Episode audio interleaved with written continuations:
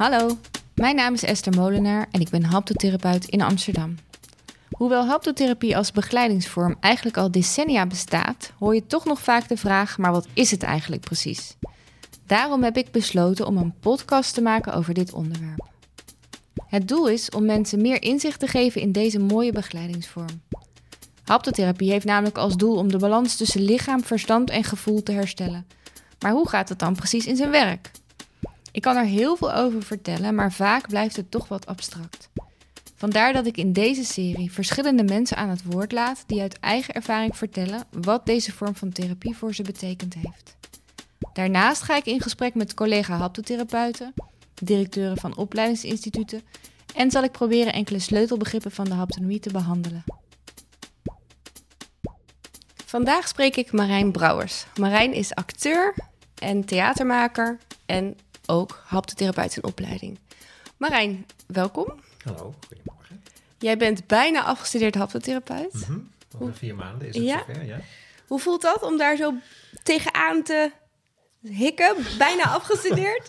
Nou, de- precies daar hik ik tegenaan, tegen het afstuderen aan zich. Het, het voelt heel goed. Het, was, eh, het is ontzettend leerzaam en leuk en inspirerend. eh dik 3,5 jaar geweest nu. Maar nu gaan we afstuderen. En in de praktijk betekent dat je allerlei dingen moet doen. En dan het eindexamen. En dan ga je een haptotherapie-sessie doen met een cliënt voor een commissie. En dat is nou net niet waar ik op zit te wachten. Omdat ik denk van, oké, met een commissie. Maar goed, dat hoort erbij. Ja. En eh, als het goed is, eh, krijg ik dan eind mei mijn diploma. ja. Hey, kan je eventjes voor de luisteraar wat meer vertellen over jezelf? Hoe ben je bijvoorbeeld tot de keuze haptotherapie gekomen? Want je bent acteur. Ja, klopt. Ik heb de Kleinkunstacademie gedaan aan het conservatorium. En ik ben eh, uitvoerend artiest. En ik heb eigenlijk altijd mijn werk gezien als ehm, een middel om tot verbinding te komen met andere mensen als ik op het toneel sta. Dat ik probeerde om iets te brengen of ze aan te raken of ze te raken op een bepaalde manier. En ehm, ik liep al een paar jaar met het gevoel rond dat ik dacht, ja, ik heb, ik heb nog iets over. Ik wil nog iets extra's. En ehm, toen botste ik, ik weet niet meer precies hoe, een tijd geleden, lang geleden, tegen haptotherapie aan. En toen ben ik op de opleiding gaan kijken in Nijmegen, het Instituut voor Toegepaste Haptonomie, naar een informatieavond. En dan werden dingen gezegd als, eh, nou, wij gaan eigenlijk uit van een affectieve maatschappij in plaats van een effectieve maatschappij. Wij leiden op tot professioneel medemens. Nou, toen werd eigenlijk uitgelegd wat er allemaal gedaan werd. En dat sprak mij zo aan. En toen, heb ik me eigenlijk aangemeld dat ik interesse had. En toen een paar maanden later kreeg ik een mailtje van de directrice van de opleiding. En zij zei, goh, zou het voor jou niet interessant zijn om eens een keer eens een haptotherapie traject te volgen? Nou, en dat was bij jou. Jij was toen derdejaars student, dus ook al een heel wat jaren geleden. En ehm, toen heb ik met jou een haptotherapie sessie gedaan van een aantal, keer of negen geloof ik. En dat was zo verrijkend en ik voelde me zo geholpen. En ik dacht, ja, dit vind ik nou echt ontzettend leuk. Hier heb ik echt zin in, ook om mezelf eh, in te ontwikkelen. En in de hoop dat ik iets kan bieden later voor de mensen om me heen. Dus vandaar. En toen ben ik het gaan doen. En ik heb het ook nog gedaan, moet ik heel eerlijk zeggen. Omdat ik, dat hele acteursbestaan is ontzettend leuk. Maar dat is ook wel heel, qua ontwikkeling, wel heel ik-gericht. Dus je bent ook veel met jezelf bezig. En hoe kom ik over op het toneel? En, hè? en daar was ik even klaar mee. En toen ehm, dacht ik, nou, dan ga ik haptotherapie studeren, want dat gaat over de ander. Maar ik ben enorm geschrokken van hoeveel ik in eerste instantie, zeker de eerste twee jaar, over mezelf heb moeten nadenken. En hoe ik me verhoud tot mensen. En het was één grote reflectie op wie ben ik. Dus ik heb dat af en toe ook vervloekt. Maar nu is het dan bijna zover. En nu ben ik heel blij dat ik het heb gedaan. Ja, de laatste twee jaar gaat ook weer meer over de ander. hè? Zeker, ja, Dan ga je ook echt met cliënten aan de slag en projecten doen in de maatschappij, haptonomieprojecten. En dat is echt eh, heel leuk. Ja, leuk. En nuttig ook. Ik vind het ook nuttig. Ik merk ook dat, ik, eh, dat, je, dat haptotherapie een therapievorm is die op een hele concrete manier, ondanks dat het lastig is om het uit te leggen, maar op een hele concrete manier iets kan laten ervaren waar mensen mee verder kunnen Ja. met zichzelf. En dat vind ik fijn. Mooi dat je dat zegt. Dat is eigenlijk precies de reden waarom ik jou heb uitgenodigd. Mhm. het leek mij ontzettend leuk om eh, samen met jou eh, dat concrete wat verder uit te werken. Ja. Ehm, dus eh, ik heb jou gevraagd om samen met mij een paar begrippen uit de haptonomie ehm, ja, beter te bekijken. En ook eh, te kijken of we daar ehm, meer duidelijkheid over kunnen Ja. geven. Leuk. Ehm, dus ik stel voor dat we gaan starten met het eerste onderwerp. Heel goed. Ruimte. Ja, Dat is een, een, een eh, begrip waar ik eh, tijdens de opleiding altijd heel erg veel mee bezig was. Ja. Ruimte is een begrip waar je ook verschillende betekenissen aan kunt geven. Dus we Mhm. hebben het hier specifiek over toepassing van haptonomie. ja. Ehm, ja, misschien wil jij starten. Wat is voor jou het begrip ruimte? Ehm, nou, dit bestaat eigenlijk meteen uit twee componenten voor mij. Dus ruimte. Dus hoeveel ruimte ervaar je in jezelf? Goh, als ik naar mezelf naar binnen kijk, hoe, hoe voel ik er dan af? Is het een ruime jas waar ik in zit of een hele nauwe jas? Voel ik me heel comfortabel of voel ik me vaak benauwd? Dus dat is de innerlijke ruimte. Maar het is ook de ruimte die je inneemt in een ruimte. Dus hoe kom ik tevoorschijn eigenlijk? Ben ik iemand, ben ik extravert of introvert bijvoorbeeld? En laat ik mezelf makkelijk zien en... eh, nou, hallo wereld, hier ben ik, of is het juist veel voorzichtiger? Ja. Eh, dat zijn eigenlijk de twee belangrijkste, zo zou ik hem willen beschrijven in ieder geval. Ja, ja. En ehm, wat ik interessante vraag vind, hè, want ik ga dus steeds terug naar hoe concreet is het. Want jij zegt de, de ruimte voelen van binnen. Maar hoe kunnen mensen dat eigenlijk voelen? Als ik naar mezelf kijk, dan heb ik daar heel veel in geleerd tijdens de studie. Hè? Daar gaan dan ook die Mhm. eerste paar jaar over, dat je bewust wordt van hoeveel ruimte heb ik eigenlijk. Ja. Kan jij daar wat meer over vertellen? Ehm, Concreet? concreet? Ja. Nee, ja, precies. Nou ja, eh, concreet, kijk, het heeft denk ik concreet met spanning of met ontspanning te maken, fysiek. Dus ehm, voel je veel spanningen in je lijf, voelt dat vernauwd eigenlijk, of voel je je ontspannen? Dus voelt het eh, ruim en comfortabel. En wat ik ook wel eens doe, ik heb nu een aantal keren met proefcliënten gewerkt, is dat ik eigenlijk je lichaam altijd, dat ik een metafoor voorstel aan iemand. Ik zeg, stel je voor, jij bent nu een huis. In wat voor huis woon je eigenlijk? En dan merk je dat mensen een antwoord geven. En dat kan iemand die zei, ik woon in een heel klein houten huisje in het bos. Een krakkemikkig huisje bijvoorbeeld. En iemand die zei, ik woon in een kasteel. Nou, dat zegt eigenlijk al iets over eh, wat voor ruimte, hoe je jezelf ervaart in ieder geval. Ehm, nou, dat vind ik wel een hele. Dat, ik merk dat mensen daar veel aan hebben als we het op die manier over ruimte ervaren spreken, zeg maar. Ja, ja. En waar ik dan nu aan moet denken, en dat is denk ik ook iets leuks om aan jou te vragen, eh, de ruimte die je kan voelen, het lijkt me zo'n treffend begrip ook voor als je op het toneel staat. Ja, Ik weet niet of, of dat ook zo is, want jij bent acteur. ja, Maar ik heb bijvoorbeeld zelf, ehm, eh, als ik eh, één op één met iemand ben, kan, kan je een grote ruimte ervaren. Maar het kan ook zijn dat als je bijvoorbeeld ineens in een groep staat of je bent op het toneel met alle ogen op je gericht, ja. dat je ruimte dan juist heel klein wordt, gek genoeg. Of, hè, als je daar heel lekker bij voelt, heel groot wordt. Ja. Nou, wat je, da- da- ik bedoel, dat sluit ook een beetje aan waarom ik haptotherapie ben gaan studeren, omdat het in die zin echt veel te maken heeft met op het toneel staan. Op het toneel doe je dat eigenlijk bewust. Je ruimte vergroten of verkleinen. Nou, sowieso, stel je voor je staat in carré, dan moet je gewoon veel rijkwijd hebben om dat wat je uitdraagt ook op de achterste rij te projecteren, als het ware. Maar je moet ook kunnen spelen als je iemand speelt met een introvert karakter, ik noem maar wat. Dan moet je proberen, dan moet je gaan zoeken naar dat gevoel van wat dat dan eigenlijk betekent. En dat is dan een meer kleine ruimte. Ja, dat is dan een meer Ja. kleine ruimte. Wat ik wel heb geleerd is dat het dus op toneel, in die zin is op het toneel staan ook weer echt een vak. Want je leert het echt vergroten en, te verkleinen. Terwijl haptotherapie, en zeker dat geldt voor mij, maar ook met, als je aan het werk gaat met mensen, dat gaat echt over iemands natuur. Dus hoeveel, hoeveel ik heb van het, bijvoorbeeld kan ik vanuit mezelf zeggen, ik heb van mezelf van nature veel ruimte. Ik voel dat er gewoon heel veel ruimte en bewegingsvrijheid is en iedereen is welkom. En nou, ik stap nog niet per se altijd direct naar mensen toe, maar dat is een ander verhaal.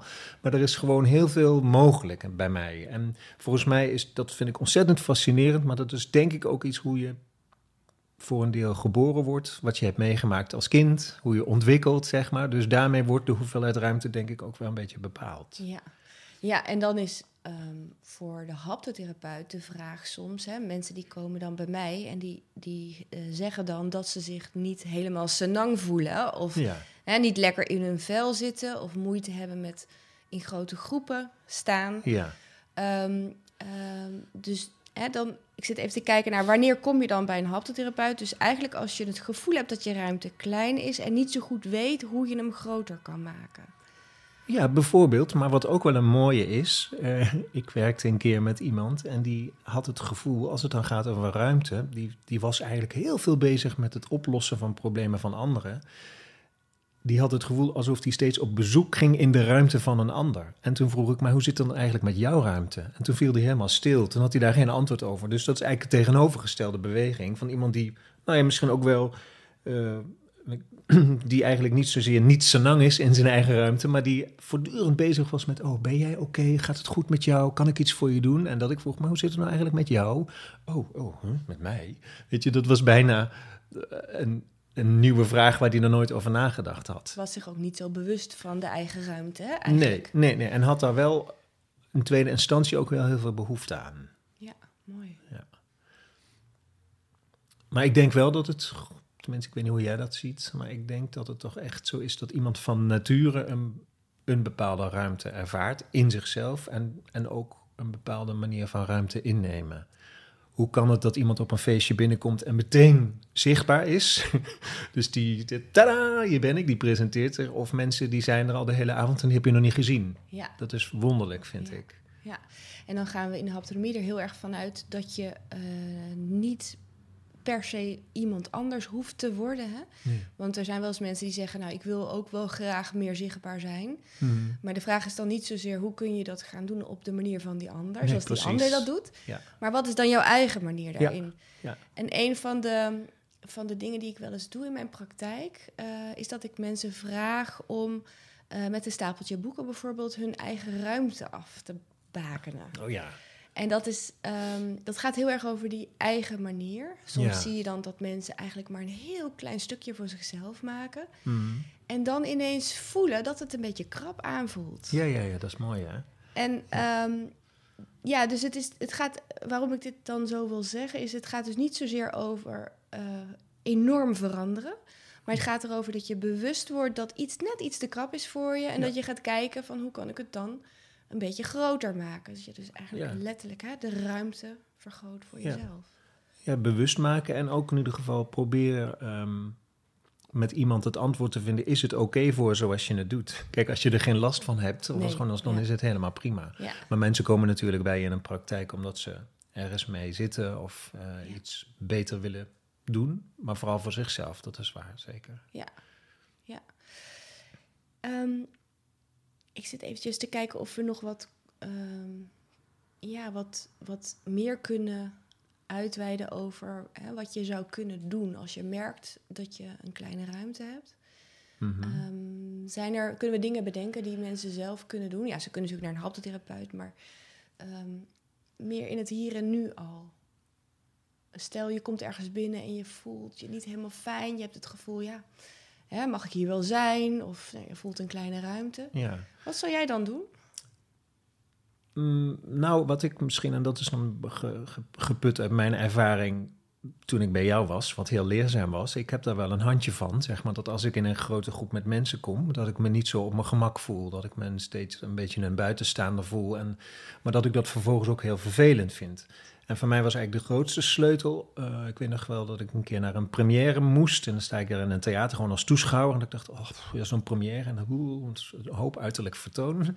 Maar ik was daar voor mijn gevoel nog niet klaar voor. En eigenlijk het enige wat ik dan toen heel ontspannen ben gaan doen... is wel ook gewoon aan de zijkant staan van die ruimte. Letterlijk in het theater of gewoon in de foyer. Met een biertje in mijn hand. Me dat realiseren. Me vervolgens realiseren dat het gewoon oké is. Dat ik alle tijd van de wereld heb. En dat ik niet mee hoef te doen als ik dat niet wil. En dan, doordat ik daar zo op die manier eigenlijk heel bewust... want meer, van meer dan dat is het niet, maar over nadacht merkte ik dat het mij ehm, hielp. En dat ik lang, langzaam, letterlijk langzaam stapjes kon maken in de ruimte. Ehm, en durfde ik een praatje te maken. Zeg ik, hey, hoi, hoe is het? En dan merk je ook gewoon doordat je jezelf op die manier aanzet eigenlijk in die ruimte, was, werd ik daar heel erg mee geholpen. Ja, Dus dat was voor mij een enorme. Ik ga daar nu eigenlijk door dat. door- dat is een heel simpel inzicht, maar ik ga daar sindsdien veel relaxter mee om, in ieder Ja. geval. Ik ben er niet meer zo bang van. ja, dat is eigenlijk precies wat ik jou hoor zeggen. Dat ehm, het concept dat het jouw eigen manier mag zijn. Hè? Ja, Ja. Eh, dus, dus dat je niet anders hoeft te zijn, maar dat je mag zijn wie je bent. En dat jij zelf beslist hoe Precies. je en, En- wanneer je tevoorschijn En komt. zelfs in een situatie waarin je denkt dat je zou moeten doen volgens een bepaalde, omdat iedereen zo doet, protocol of eh, stijl of zo. Dat ik denk, nee, daar gaat het helemaal niet om. Het is Nee. echt jouw, jouw eigen manier. Ja, Dus eh, nee, ik vond het heel fijn. ja. Nou, en wat jij net sch- schreef, dat, of eh, beschreef, dat voorbeeld met die boeken. Ik, heb, ik werk soms gewoon, of er nou een vloerkleed is of met een paar lappen krant, zeg maar, met een grote ruimte op de vloer. En dan, ga ik, en dan vraag ik, dan leg ik bijvoorbeeld vier kranten uitgespreid als groot vierkant op de grond. En dan gaan we daar eens op verkennen, hoe voelt dat? En dan maak ik steeds die ruimte een beetje kleiner door er een kleiner vierkant van te maken. En zo kun je eigenlijk onderzoeken hoe dat nou voor iemand werkt. En dat is, nou weet ik niet of je dat alleen in je huiskamer, dat kun je doen, dat kun je ook met je partner doen. Maar Ja, kijk, waarom niet eigenlijk? ja. Dus dat je eigenlijk heel, heel ja, concreet gaat visualiseren bijna hoe ruimte werkt. Ja. ja, en hoe het voor jou dus werkt. Hè? Ja. Ja. Ja, mooi. Ja. Oké. Hey, denk je dat we het een beetje zo hebben aangestipt? Ik zit ook even naar mijn eigen aantekeningen te kijken. Ja. Nou ja, kijk, ja, maar dan komen we misschien ook dadelijk op een ander thema. Maar het gaat in ruimte natuurlijk over ruimte die je zelf eh, inneemt. Maar het gaat ook over de ruimte, wat is je ontmoetingsruimte? Dus heb je ook genoeg ruimte om iemand te kunnen ontmoeten? En dat voorbeeld wat ik net beschreef, iemand die steeds eigenlijk naar de ander toe beweegt, die, die, maakt, die gaat in de ruimte van een ander. Maar hoe zit het nou met mensen in jouw, mensen in jouw ruimte? Ja. Maar goed, dan komen we denk ik bij een Ja. ander begrip. Dus misschien is dat een, een bruggetje. Ja, daar gaan we het eh, de volgende keer over hebben. Ja, dat is goed.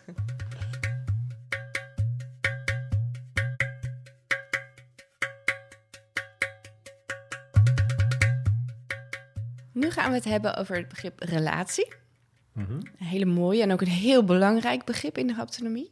Ik weet dat ehm, eh, nou, de directeur van ons opleidingsinstituut, hè, Monique van Bilderbeek, die ik ook een keer heb geïnterviewd, die, eh, die heeft het steeds over verbinding en relatie. Ja. Ehm, ja, de reden waarom ik het ook zo'n mooi begrip vind, is omdat het in de westerse maatschappij toch steeds meer gegaan is naar een meer individualistische samenleving.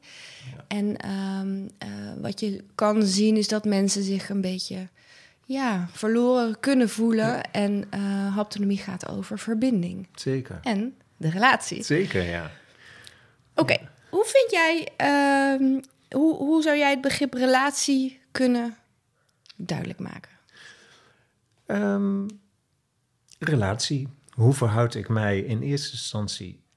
Nee, ja, hoe verhoud ik mij tot een ander? Ik wilde het al ingewikkelder maken, de relatie met mezelf. Daar, maar daar hebben we het nu niet over. Nee, de relatie, hoe verhoud ik mij tot een ander? Dus ehm, wat betekent een ander voor mij? Wat beteken ik voor een ander? Hoe ga ik om met een ander, met anderen? Eh, hoe ga ik om met anderen in een ruimte, bijvoorbeeld de stad? Ehm, en nou ja, dat is dan nog niet hetzelfde als verbinding. Want ik denk ook, je kunt ook een relatie hebben met iemand met wie je je niet verbonden voelt. Maar dan gaat het ook nog eens over in haptonomie dat je echt de verbinding probeert op te zoeken. De betrokkenheid met degene met wie je samen bent. Ik denk dat ik het zo zou beschrijven. Ehm, ja.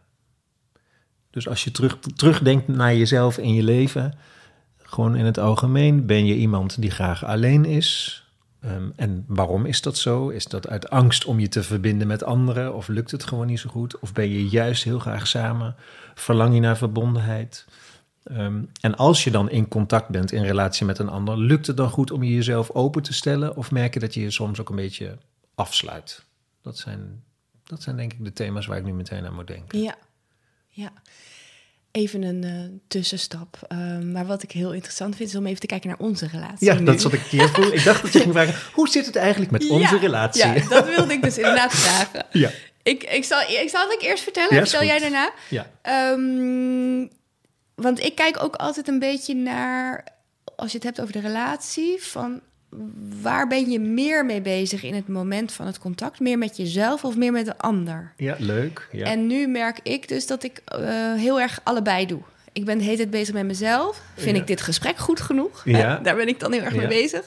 Ehm, eh, is dit voor de luisteraar interessant? En dan voel ik daar een beetje onrust. Of eh, ja. is het goed genoeg, merk ik? Ja. Maar tegelijkertijd ben ik ook heel erg met jou bezig van... eh, is het leuk? Hè? Ja. Hoe, uh, hoe voelt Marijn zich? Uh, God, wat kan die mooi praten, denk ik dan. dus dat Ja. is een soort van bewegend iets eigenlijk bij mij. Ja. Dus ik ben een beetje met mezelf en een beetje met jou bezig. ja. En jij, vertel. Eh, ik denk, terwijl je het nu zo zegt, ik, ik, zie het, ik voel het ook meteen gebeuren. Op het moment dat ik aan het praten ben, dat ken ik van mezelf, ga ik wel een beetje terug naar mezelf. Een beetje meer naar binnen. Dus dan wil ik niet zeggen dat ik oogcontact met jou vermijd, maar dan ben ik aan het nadenken. En dan ben ik ook bezig, verwoord ik dit goed en is het helder? Ehm, Je kijkt ook dan weg van ik mij. kijk hè? dan Ja. eigenlijk weg. En als jij aan het praten bent, dan kijk ik vol bewondering naar jou. En dan eh, vind ik het heel leuk. En dan, eh, in die zin voel ik ook dat ik hier... Ik, ben, ik vond het superleuk dat je mij uitnodigde voor dit gesprek. Voel ik me ook gast. En eh, denk ik ook, oh, ja, het, het is helemaal oké, weet je. Dus, eh, maar ik doe dat dan eigenlijk vooral op het moment dat ik naar jou aan het kijken en aan het luisteren ben. Omdat ik ook probeer om... Ja, omdat ik het mijn verantwoordelijkheid vind om ook gewoon eh, helder te zijn voor de relatie met de luisteraar. Ja, precies. Ja. Ja, Daar zijn we allebei heel erg mee bezig. ja daar zijn we heel erg mee bezig. Ja. Ehm, ja, en verder heel uitzoomend op onze relatie. Ik ken je inmiddels al een aantal jaren op een... Op een, op een we kennen elkaar toch ook al een jaar of tien, maar steeds beter en beter en steeds op een ander... Steeds dieper eigenlijk, maar ook op een ander vlak. Ja. Dus eh, Ja. eh, En ehm, wat er gebeurt, eh, nu denk ik weer even aan de luisteraar om het even toe te lichten. Wat je merkt is dus dat nu wij het hier zo over hebben, is eigenlijk heel zuiver. Hè? En het wordt ineens heel eerlijk. Van, oh ja, Mhm. dit voel ik, dit voel jij. Eh, zo zitten we erin. mhm. Dat die relatie voor mijn gevoel dan ook op een of andere manier weer wat rustiger wordt of zo. Merk je Ja. dat ook? Dat Ja. je denkt, oh ja, fijn of Ja. zo. Dus het is eigenlijk een ultieme manier om de verbinding nog weer iets aan te halen. Zeker. En dat vind ik prettig. Ik merk Ja. dus dat ik nu meteen ontspannender zit. En ik denk, oh, Wat een, kan wat heerlijke meer, winst. Ja, ik kan wat meer, eh, ja, meer vrij praten of zo. Zonder dat ik denk aan het moet goed zijn. Ja. Dus dat Doordat is- je dat net eigenlijk ter Ja. sprake hebt gebracht. ja, doordat ik mezelf open naar jou. En dat is, Hm. eh, dan gaan we even weer terug naar de, hè, de theorie van het begrip relatie. Dat op het moment dat je met de ander de verbinding wat meer aangaat door jezelf. Opzoekt, aangaat. Ja, door Ja. jezelf open te stellen eigenlijk. Ja. Jezelf te laten zien. Ja. Voelt dat, ehm, kan dat heel prettig voelen. Zeker, ja. Nou, en dan- ik zit ook te denken, voor mij is het ook een beetje de, de essentie van alles. Ik kan het gevoel hebben, zeg maar, mijn tragiek in het leven. Het is niet een, maar ik kan het gevoel hebben dat ik veel dingen alleen doe of moet doen. Of dat ik denk, nou, ik los het alleen wel op. Maar wat ik nu langzaam leer, is dat ik, doordat ik mezelf bewust in verbinding breng met een ander, dus een relatie aanga, dat ik zo ontzettend geniet van het samen zijn met jou op dit moment nu. En dat ik dat gevoel, dat ik me veel krachtiger voel met jou. En dat ik dus dat gevoel van, oh, ik moet het alleen oplossen of ik Ja. moet het alleen formuleren. Dat ik denk, nee, samen. Samen, ja, ja, ja. Om dan, ik bedoel, het staat op het ITH, op, het, op school staat er op de muur beschreven, samen meer jezelf. En als ik heel eerlijk ben, krijg ik soms jeuk van die opmerking. Maar eigenlijk vind ik het zo ontzettend waar. Want Ja. het is echt zo, je voelt... En natuurlijk heb je ooit even tijd alleen nodig. Maar uiteindelijk kun je samen in, in verbondenheid en in relatie met een ander... zo ontzettend veel meer. Ja, Meer, meer doen, meer dragen, meer verdragen, meer ontdekken. Dus dat is heel fijn. ja. Ik zit even te denken, wat als hè, iemand luistert naar dit gesprek en die denkt, goh ja, ehm, hoe zit dat eigenlijk met mezelf? Mhm. Hoe, is het, hoe ga ik de verbinding aan? Hoe is mijn relatie met andere mensen? Mhm. Ik merk in mijn praktijk dat er wel eens mensen zijn die eh, toch, ook al hebben ze veel vrienden, zich af en toe toch alleen voelen. Mhm. En ehm, eh, waar ik dan met ze aan ga werken is, eh, hoe, wat is jouw manier, hoe kan jij ervoor zorgen dat je meer verbinding kan ervaren met de ander? Ja. Ja. Ja, dus kunnen we daar samen even naar kijken. Van Ja. wat, hè, wat, want wij hebben die opleiding gedaan, we zijn hier ontzettend in getraind. eh, Mhm. We hebben ook, we zijn heel gemotiveerd om, om hiermee bezig te zijn. Maar wat nou als je dat niet per se hebt, maar je merkt wel, er wringt iets. Ik voel Ja. me af en toe alleen, terwijl ik niet alleen ben. Wat zou iemand dan kunnen doen? Ehm, nou ja, ik denk dat je dan. Het, het gaat volgens mij ook weer om een stuk bewustwording. Dus eh, iemand kan veel vrienden hebben in, in, eh, aantal uren met vrienden zijn. Maar wat gebeurt er in die uren dat je met vrienden bent? Dus kom je dan ook echt toe, kun je dan ook echt, ben je dan ook echt met jezelf en is het oké zoals je bent? Dus ik zou eigenlijk met iemand gaan trainen, oefeningetjes gaan doen om heel erg in verbonding, verbinding te zijn met die ander. Maar vervolgens zou ik voortdurend ook terugvragen: want dan hoe, hoe gaat het nu met jou? En wat ervaar je nu op dit moment? En wat gebeurt er nu? Om maar vervolgens, kijk, het moet niet, ik zeg niet dat het vriendschap moet niet alleen om een vorm gaan, maar het moet ook betekenen dat je. Het zou fijn zijn als je in een vriendschap alle kanten van jezelf kunt laten zien. Dus ook de onhandige en de lelijke en de minder leuke. Ehm, Is dat dan ook een beetje de essentie van die verbinding? Dat je, uh, dat je jezelf niet deels achterhoudt? Hè, stel dat ik hier was gaan zitten en ik had gezegd: Nou, leuk dat je er bent. En ik vind het helemaal niet spannend en dit gaat gewoon goed. En, uh, maar maar op, op, het moment dat ik aangeef bij jou: Ik vind het toch wel spannend. Wordt dit gesprek wel goed genoeg? Interessant genoeg? Dan ontstaat dus die verbinding ook. Hè? Dus eigenlijk wat er net Meer ook gebeurde. Ja, toch? precies. Ja. ja. ik bedoel, ik denk wel dat het in ieder geval dat je de mogelijkheid, dat het belangrijk is bij jezelf in een vriendschap of in een relatie, dat je in ieder geval de mogelijkheid voelt om het, als het erop aankomt, het achterste van je tong te, te mogen laten zien. Dat dat oké is. En als je al ik, noem maar, ik maak nu even deze beweging. Als je een soort ingehouden gevoelig hebt van... oh, ik ben nou wel bij, bij deze vriend... maar hier moet ik altijd leuk doen... of ik moet altijd mooi weer spelen... of ik moet wel genoeg vragen hoe het met hem of haar gaat. Het zijn natuurlijk allemaal dingen die soort, er zit een soort krampen in. En ik, volgens mij gaat het om de. Dat je, nou, dan, kom ik weer bij ruimte. Maar het gaat erom dat je de ruimte voelt in jezelf om helemaal jezelf te kunnen zijn. Ja.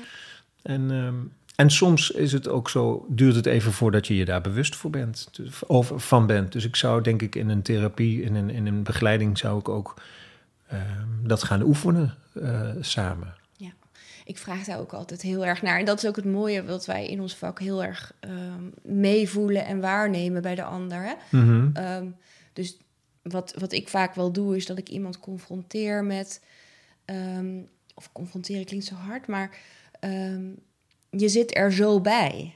Hè? Mhm. En bijvoorbeeld als iemand erg gespannen zit, dat ja. dan ook klopt het dat je gespannen zit. En, en hè, waar komt dat vandaan? En dan gaat iemand dus naar binnen. Ja om te toetsen, klopt het wat zij zegt? Is dat zo? Mhm. En oh ja, ik voel inderdaad dat ik, dit maakt me hier zorgen over. Of, mhm. En als dat eruit mag, ja. dan uh, komt er ook weer meer die verbinding. Precies, dat draagt weer bij, denk ik, aan het, aan het verbinden en aan, aan de relatie ook met jou op dat moment. Ja. ja. En soms heb je er ook een beetje, um, nou, wat ik al zei, je moet je daar bewust van worden en uh, misschien heb je er ook wat moed voor nodig om dat in te zien. Dat het soms ook, uh, uh, ja, dat je eigenschappen van jezelf vrij mag laten waarvan je denkt van, oeh, ik weet niet of ik die uh, durf of wil, of dat die ja. niet leuk zijn of gênant. Ja.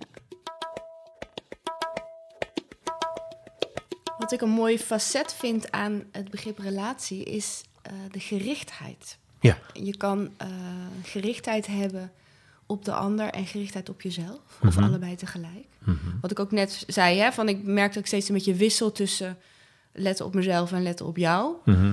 Soms uh, ontmoet ik wel eens mensen die bijvoorbeeld eigenlijk altijd met de ander bezig zijn. Ja, hey, hoe is het? Ja, ja, ja precies. ja. Hè, dus um, die ook niet graag uh, willen dat het over hen gaat. Dus, dus eigenlijk gewoon de hele tijd bezig zijn met hoe voel jij je? Uh, hoe voelt de ander zich? Ja. Um, gaat het wel goed? Uh, heb ik wel net de juiste... Oh, sorry, ik zei net iets wat misschien niet aardig voor jou was. Ja, of, ja, ja, ja wonderlijk. Ja, daar heel erg zorgen maken over de ander. Ja. Um, hoe, ja, kunnen we daar eens naar kijken? Die gerichtheid, de gerichtheid op jezelf en op de ander? Ja, nou ik denk ook daarvoor, zoals ik het ooit eerder had over... Uh, uh, gewoon, er is een soort natuur volgens mij die bepaalt hoe het is gesteld met je ruimte. Maar dat is denk ik ook een, een, natuur. En dat is dan beïnvloed door hoe je bent ontwikkeld, maar ook hoe het met je gerichtheid is. Dus ik denk dat het helemaal niet erg is om te zeggen van jezelf: ik ben iemand en ik ben altijd op mezelf gericht. Of ik ben iemand, ja, ik ben inderdaad altijd op de ander gericht. Dus ik denk dat dat wel een soort natuur slash patroon is wat iemand gewoon heeft. En vervolgens, als je dan in therapie een haptotherapie begeleidingstraject zou starten, zeg maar, dan kun je dat dus iemand proberen daarvan bewust te maken van goh, uh, wat zou er, is het in balans voor jou? Wat zou er nou gebeuren als je eerst, eerst dus bij jezelf te raden gaat voordat je meteen bij de ander bent? Ehm, en het is ook wel goed om eens te gaan onderzoeken waarom iemand de gerichtheid heeft zoals die hem heeft. Het kan soms ook zijn om uit uh, ja, ontkenning of angst voor iets wat hij liever niet wil zien. Of uh, juist uh, moeite heeft met in contact komen met anderen. Dat ik, nou, ik ben daar wel een voorbeeld van. Nu niet meer, maar vroeger dat ik denk, oh ja, ik was vroeger een heel open jochie. En mijn moeder zei altijd, Marijn, pas erop dat je niet te open bent, want de mensen kunnen daar misbruik van maken. En vervolgens werd ik best wel uh, met mezelf zo en een beetje gaan haperen in het in contact komen met anderen. En nu is dat wel weer hersteld. Ja. Dus ik vind dat wel. Um, ik vind dat je daar veel uit kunt lezen, zeg maar, uit de gerichtheid van iemand. Ja. En jij zegt, het is een bepaalde natuur. Um, ik kan me voorstellen dat mensen zich dan afvragen van... heeft het dan wel zin om daar iets aan te doen? Uh, haptotherapie gaat ook heel erg over het vergroten van je mogelijkheden. Hè? Ja. Waar het om gaat, en dat zeg je ook in het begin van... het gaat om de bewustwording. Wat is nou mijn eerste neiging? Ja. En wat je dan kan doen, is dat je stapje voor stapje gaat kijken... of je dat een beetje kan uitbreiden. Ja. Ja, en ook heeft het zin om er wat aan te doen? Ja, maar het heeft, kijk, iets eraan doen wil niet per se zeggen dat je iets niet meer mag doen of uh, alleen maar iets anders moet gaan doen. Ja, precies. Snap je? Dus haptotherapie gaat ook heel erg inderdaad over je kwaliteiten herkennen en erkennen en die ook, uh, nou, die echt koesteren ook. En dan daarnaast ook kijken, wat kan ik bijleren? Maar het is vaak ook een kwestie volgens mij dat als iets je natuur is, is iets anders. Het is, vaak zijn dingen een beetje uit balans. Snap je? Dus stel je voor, ik ben heel erg op jou gericht en niet op mij. Of minder op mij. Dan gaat het misschien er meer om van hoe kan ik nou daar waar meer zorg voor gaan dragen. Dat ik niet alleen maar bij jou ben, maar ook meer bij mezelf. Snap je? Dus je probeert eigenlijk de balans een beetje te herstellen. Ja, want de, doorge de doorgeslagen balans kan zelfs betekenen dat je bepaalde belangrijke dingen niet meer oppikt bij jezelf. Hè? Ja. Ik heb Ja. wel eens mensen die bijvoorbeeld niet het doorhebben van zichzelf wat een relatie met ze doet. Ja. Omdat ze alleen maar met de ander bezig zijn. Dus Ja. dan kan het ook echt slecht zijn voor je welzijn eigenlijk. Hè? Dat je steeds niet voelt van wat doet iets met mij. Nee, precies. En dat is ook, ik bedoel, dan lijkt het alsof, eh, alsof je iets moet afleren. Of terwijl wat je eigenlijk doet, is volgens mij iemand bewust maken van. God, maar wat doet het nu met jou? Ja. Ja, en waar ik dan aan moet denken, en ik denk dat, dat er wel, eh, misschien gek om dit te zeggen, maar misschien veel vrouwen dat zullen herkennen. Dus een beetje aanmatigend dat ik dat zo zeg, maar maakt het misschien wel duidelijk dat je bijvoorbeeld eh, als vrouw in een relatie ehm, eh, eigenlijk altijd ook met je partner bezig bent. Van Mhm. heeft die het wel naar zijn zin? Ehm, eh, maar eigenlijk vergeten dat een relatie ook voor jou iets te bieden moet hebben. Zeker, ja. ja. Eh, dan heb ik het even over een liefdesrelatie. Ja. Ik ontmoet wel eens vrouwen in mijn praktijk die eigenlijk altijd heel hard hun best doen om de relatie goed te houden. Terwijl die man, nou ja, die vindt het wel best. Ja, ja, ja, ja. ja. En dan, eh, als je dan niet doorhebt wat iets met je doet, dan blijf je dus jarenlang eigenlijk in een relatie zitten die niet voedend voor jouzelf is. Nee, precies. Je bent dan te veel, echt te, letterlijk te veel bezig bij en met de ander. Ja. Ja. En zorg dragen voor de relatie zonder te voelen van is het eigenlijk wel fijn voor mij? Ja, en dat is gewoon, het blijft een hele, toch voor heel veel mensen, een hele belangrijke, maar hele moeilijke vraag. En een hele slecht beantwoorde vraag. Wat is nou eigenlijk goed voor mij? Ja, Ik denk dat dat wel, nou ja, dat is misschien wel de, ja, de crux waarom mensen naar een haptotherapeut stappen. Omdat ze bij zichzelf iets voelen wat uit balans is of niet werkt of hapert. En dat ze denken, daar wil ik nu aandacht aan gaan besteden. ja. Ja. ja, en als je kijkt naar de relatie tussen twee mensen die een liefdesrelatie hebben, dan kan het natuurlijk ook nog zo zijn dat je er heel veel aan kan hebben als jij gaat voelen dat je iets nodig hebt. Mhm. Dat ook kenbaar kan maken aan de ander. Mhm. En dat die ander daar ook iets mee kan doen. Hè? Dus dan Ja. kom je weer meer in de verbinding. Dus het wil niet zeggen dat die relatie aan zich slecht was. Nee.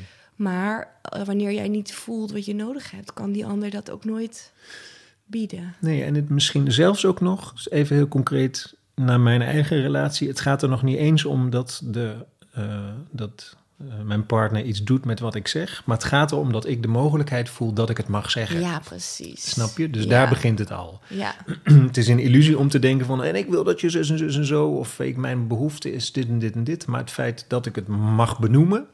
is voor mij in ieder geval al heel ja. helpend. En daar zit daar nog voor eigenlijk het erkennen dat Absoluut. je hè, naar jezelf. Het voelen en het erkennen en het dan uiten. Ja, ja. Nou ja, mensen denken ook vaak: mag ik dit wel verwachten? Mag ik dit wel denken? Mag ik dit voelen? Ja, je mag alles voelen. Ja. Dat zeg ik ook altijd. Ja, alles wat je voelt is er, weet je wel. En het is waar. ja.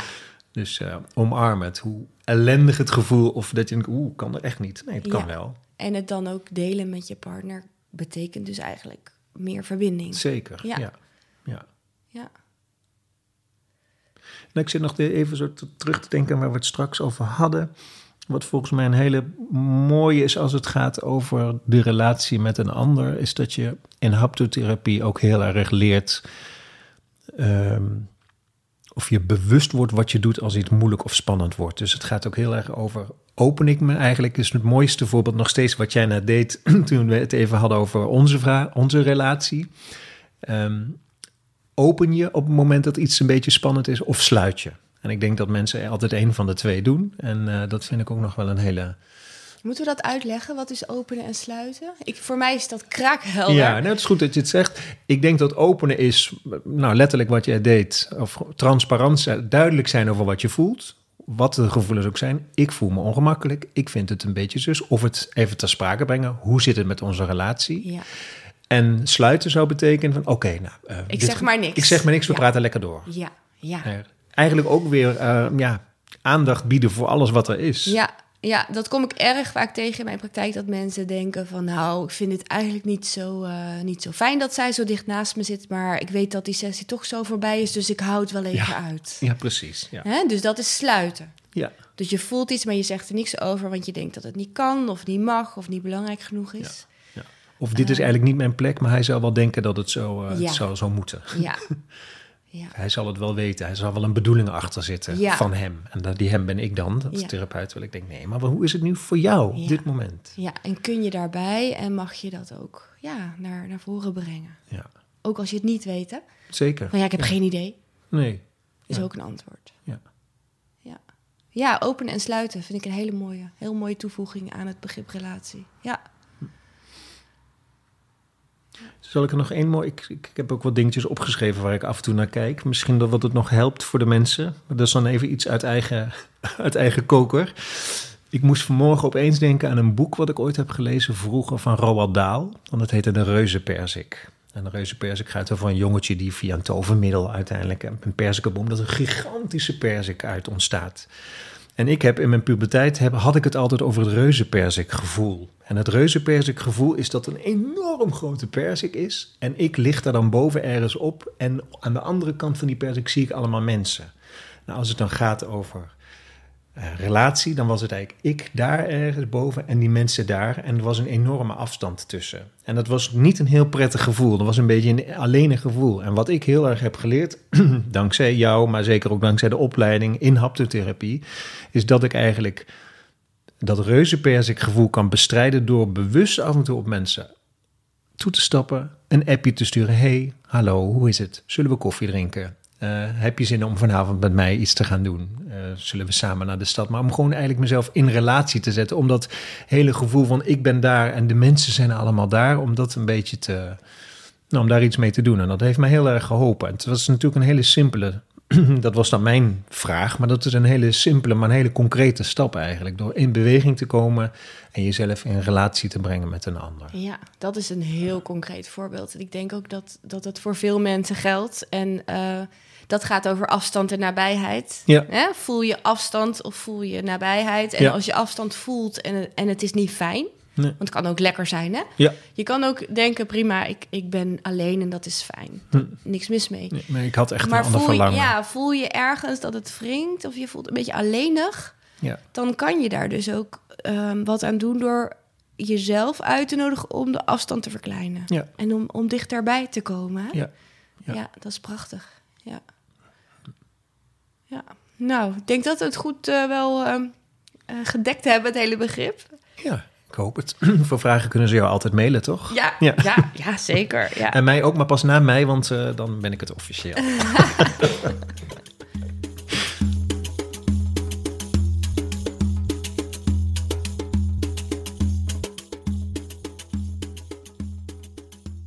We gaan het over beweging hebben. ja, leuk. Ik Ik denk dat wij dat allebei heel leuk vinden. Ja. Toch? Ja, ja, Bewegen. ja, bewegen was, eh, ja. Oké, even een intro. Ehm, beweging. Ik ga het eventjes eh, toelichten. Mhm. Ehm, je hebt verschillende vormen van beweging.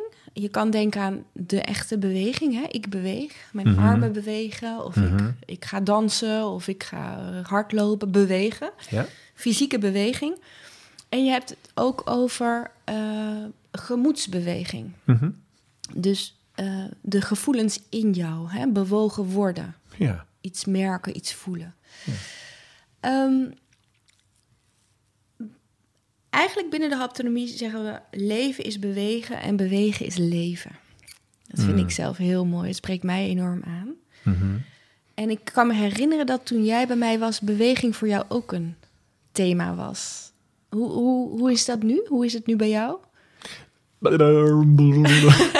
ik, terwijl je dit Wat zegt, ik-? Ja, precies. Nou ja, ik, als ik even echt... Ik weet niet meer wat er toen speelde... maar ik weet wel dat ik een heel bewegelijk kind was... en ontzettend veel bewogen heb. Alleen al door het feit dat ik 30 uur per week turnde. Dus ik was ontzettend veel met beweging bezig. Maar ik was ook... eh, ik wilde dansen en zingen en creatief. Dus er was eh, expressie, wat ook een manier is van bewegen... maar wat ook echt gekoppeld is aan een innerlijke beweging...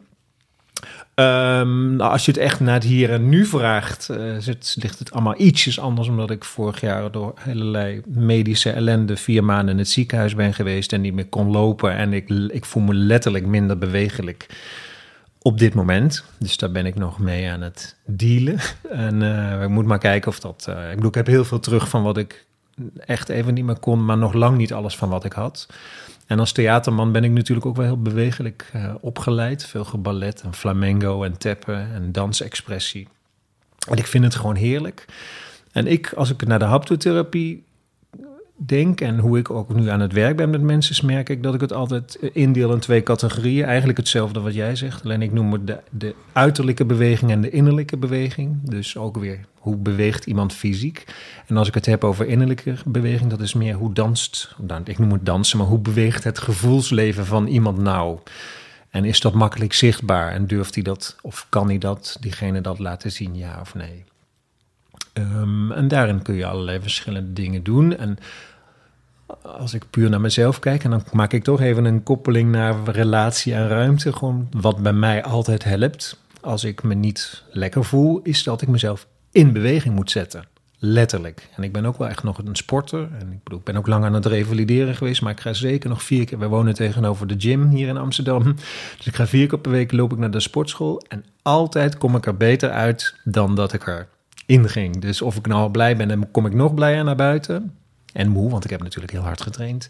En als ik, niet, als ik me niet lekker voel, dan merk ik dat het jezelf, je lichaam in beweging zit. Dat, dat doet ook iets met mijn gevoelsbeleving. Dus ik ben een eh, groot fan en voorstander van beweeg. Beweeg mensen, beweeg.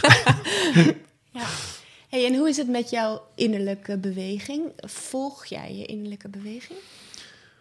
Nou, ook ik ben een mens en ik, ben, ik, eh, ik, ik streef er wel naar. Maar ik kan ook, als ik iets moeilijk vind of zo, dan, eh, of ik ben het ergens niet mee eens, dan ik- ben ik soms ook een beetje een zeurpiet. En dan, ik maak nu deze beweging, maar dan stagneert het een beetje. Dus dan heb ik het gevoel dat de, de beweging van binnen hapert of zo. Of soms ook, eh, misschien een fase daarna dat het ook stilvalt, zeg maar. Dat ik het echt laat, ja, niet dood, maar levenloos. Dan hou ik het liever stil, zeg Ja. maar.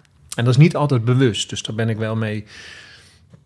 Ook in moeilijke dingen, of als er een conflict is, probeer ik dat ook in beweging te zetten. Door dat uit te spreken, bijvoorbeeld. Ehm, Het is ook maar heel moeilijk, hè? Als je eh, kijkt naar bijvoorbeeld, eh, stel je bent in contact met iemand en er gebeurt van alles bij jou van binnen, Mhm. om dan op dat moment te voelen wat jou beweegt. En, Ja. hè, ik merk ook wel dat bijvoorbeeld cliënten dan zeggen van ik ben gewoon heel erg boos.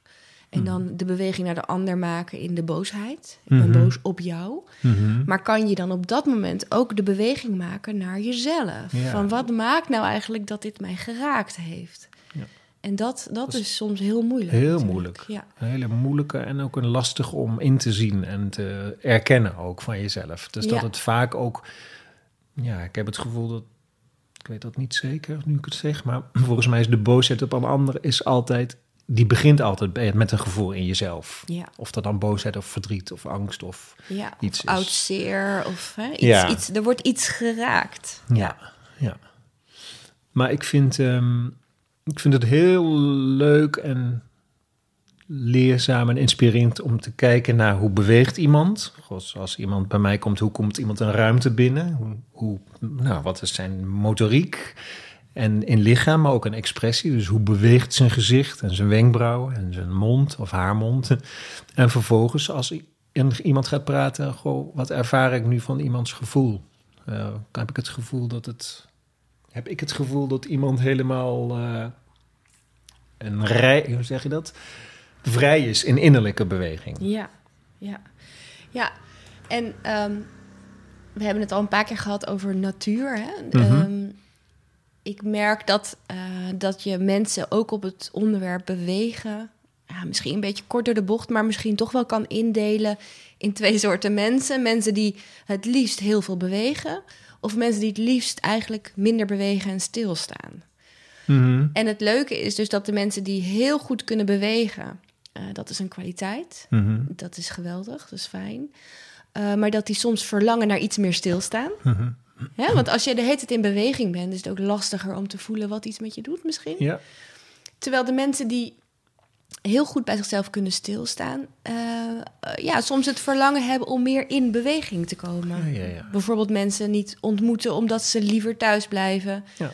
Of, ja, of, of blijven steken in heel veel zelfbewustzijn. eh. Ja.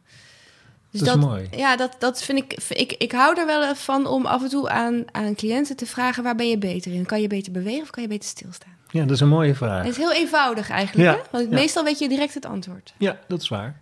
Ja. Terwijl je het zo zegt, denk ik, ja, ik heb in die zin nog niet zo. Mijn, mijn traject met cliënten is, mijn bestand is nog niet zo groot, omdat ik er nog maar een aantal heb gehad. Maar ik herken wel meteen wat je zegt. En wat ik ook leuk vind, en dat is dan ook weer een koppeling naar waar we het eerder over hebben gehad. Beweging heeft ook altijd met ruimte te maken. Ja, Dus eh, beweeg je. eh, je beweegt altijd in een ruimte. In die van jezelf, zeg maar in je lichaam. Of in de ruimte waar je je in bevindt. Of in de wereld, snap je? Dus je kunt het op veel manieren bekijken. En wat ik ook een hele leuke vind, die had ik nog eventjes opgeschreven. Ik weet niet of ik het zo plastisch of praktisch moet benoemen. Maar als het gaat over beweging, dan zou je hem nou, heel grof kunnen indelen in twee manieren. Je hebt een horizontale beweging en een verticale beweging. En de horizontale beweging is zeg maar van binnen naar buiten. Zeg maar dus bij jezelf of bij de ander.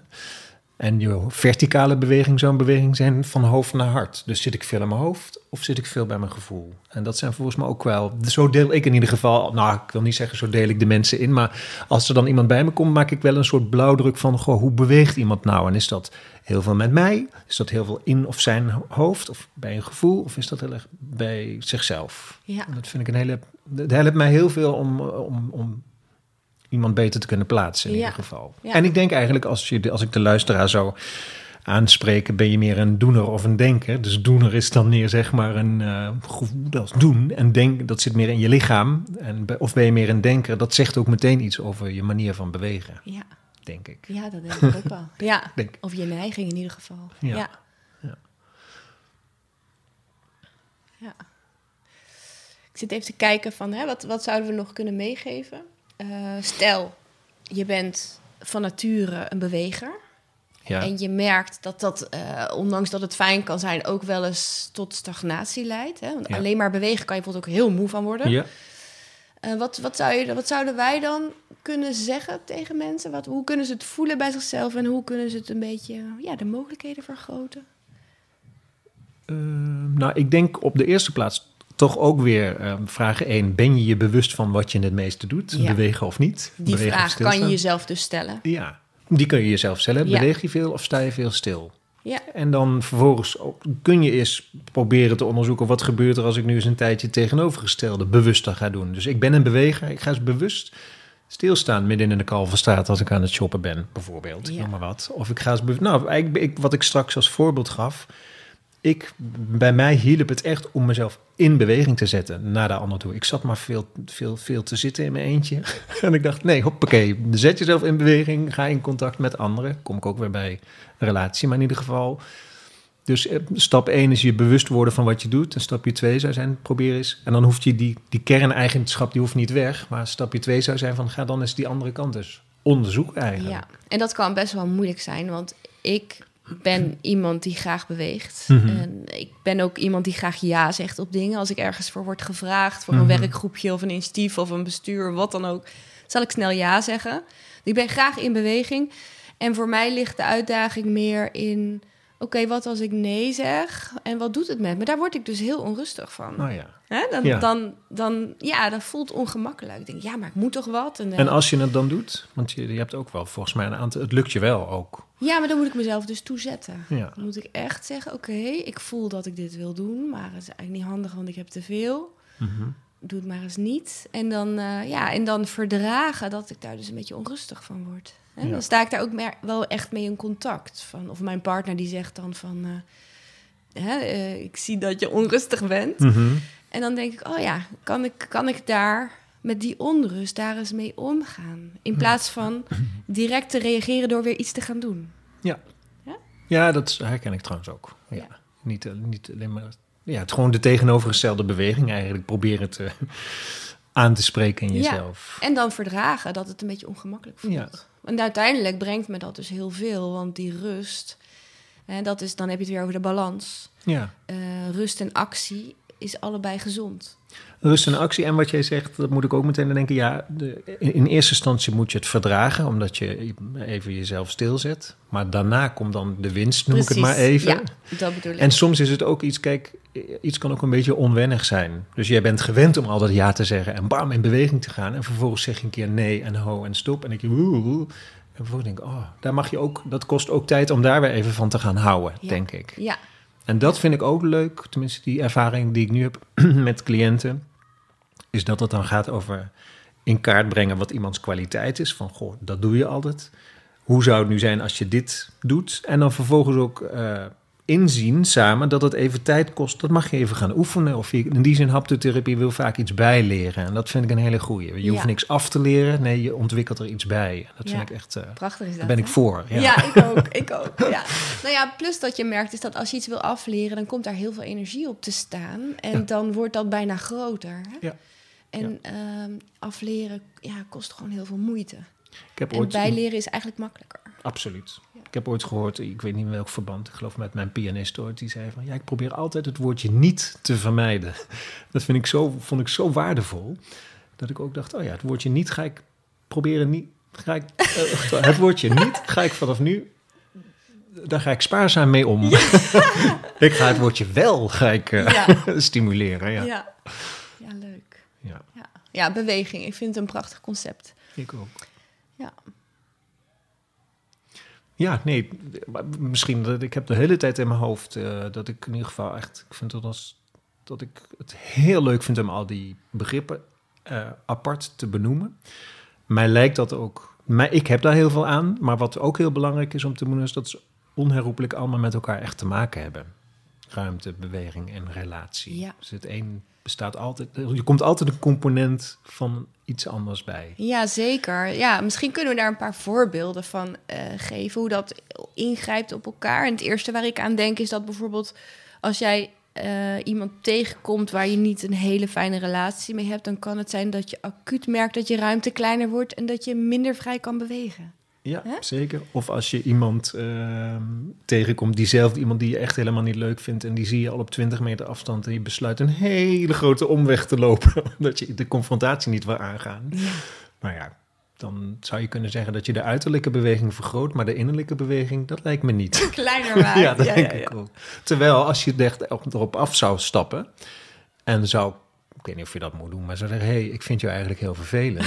Of ik, dan, nee, ik heb een heel onprettig gevoel bij jou. nou, Ja. dan zou je kunnen ervaren dat dat heel veel oplevert Ja, aan je eigen gevoelens. en dus ook een grote ruimte. Ja, dat- ja. Groot gevoel van ruimte, ja. Ja, en even kijken hoor, wat, hoe kunnen we nog een voorbeeld geven?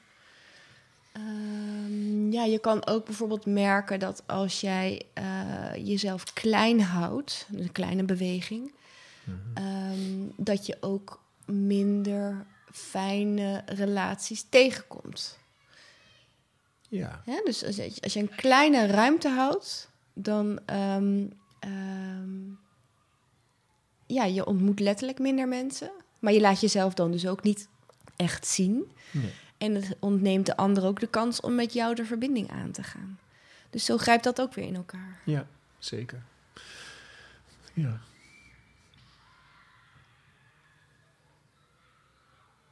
Of terwijl ik hier nu zit te praten met jou, hebben wij een hele prettige, uh, kleine, nou niet kleine, in jouw prettige woonkamer zitten te spreken.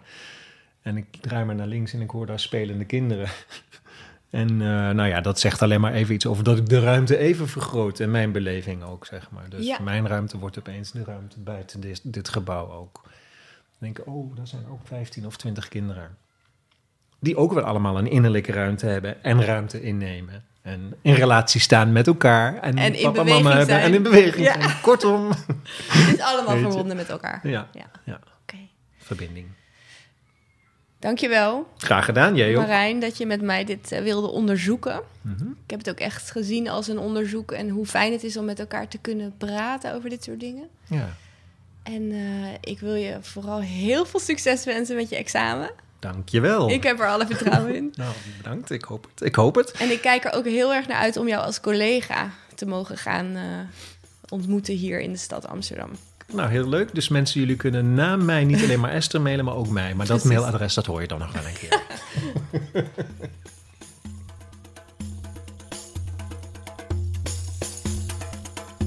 Je hebt geluisterd naar een aflevering van de podcast over haptotherapie door Esther Molenaar. Je kunt je abonneren op deze podcast via iTunes of Spotify. Voor meer informatie over haptotherapie en het vinden van een therapeut bij jou in de buurt, kun je kijken op de website van de beroepsvereniging www.vvh-haptotherapeuten.nl. Heb je naar aanleiding van deze podcast aan mij nog vragen? Stuur dan een mailtje naar info@haptotherapie-ester.nl of bezoek mijn website www.haptotherapie-ester.nl. Graag tot de volgende keer.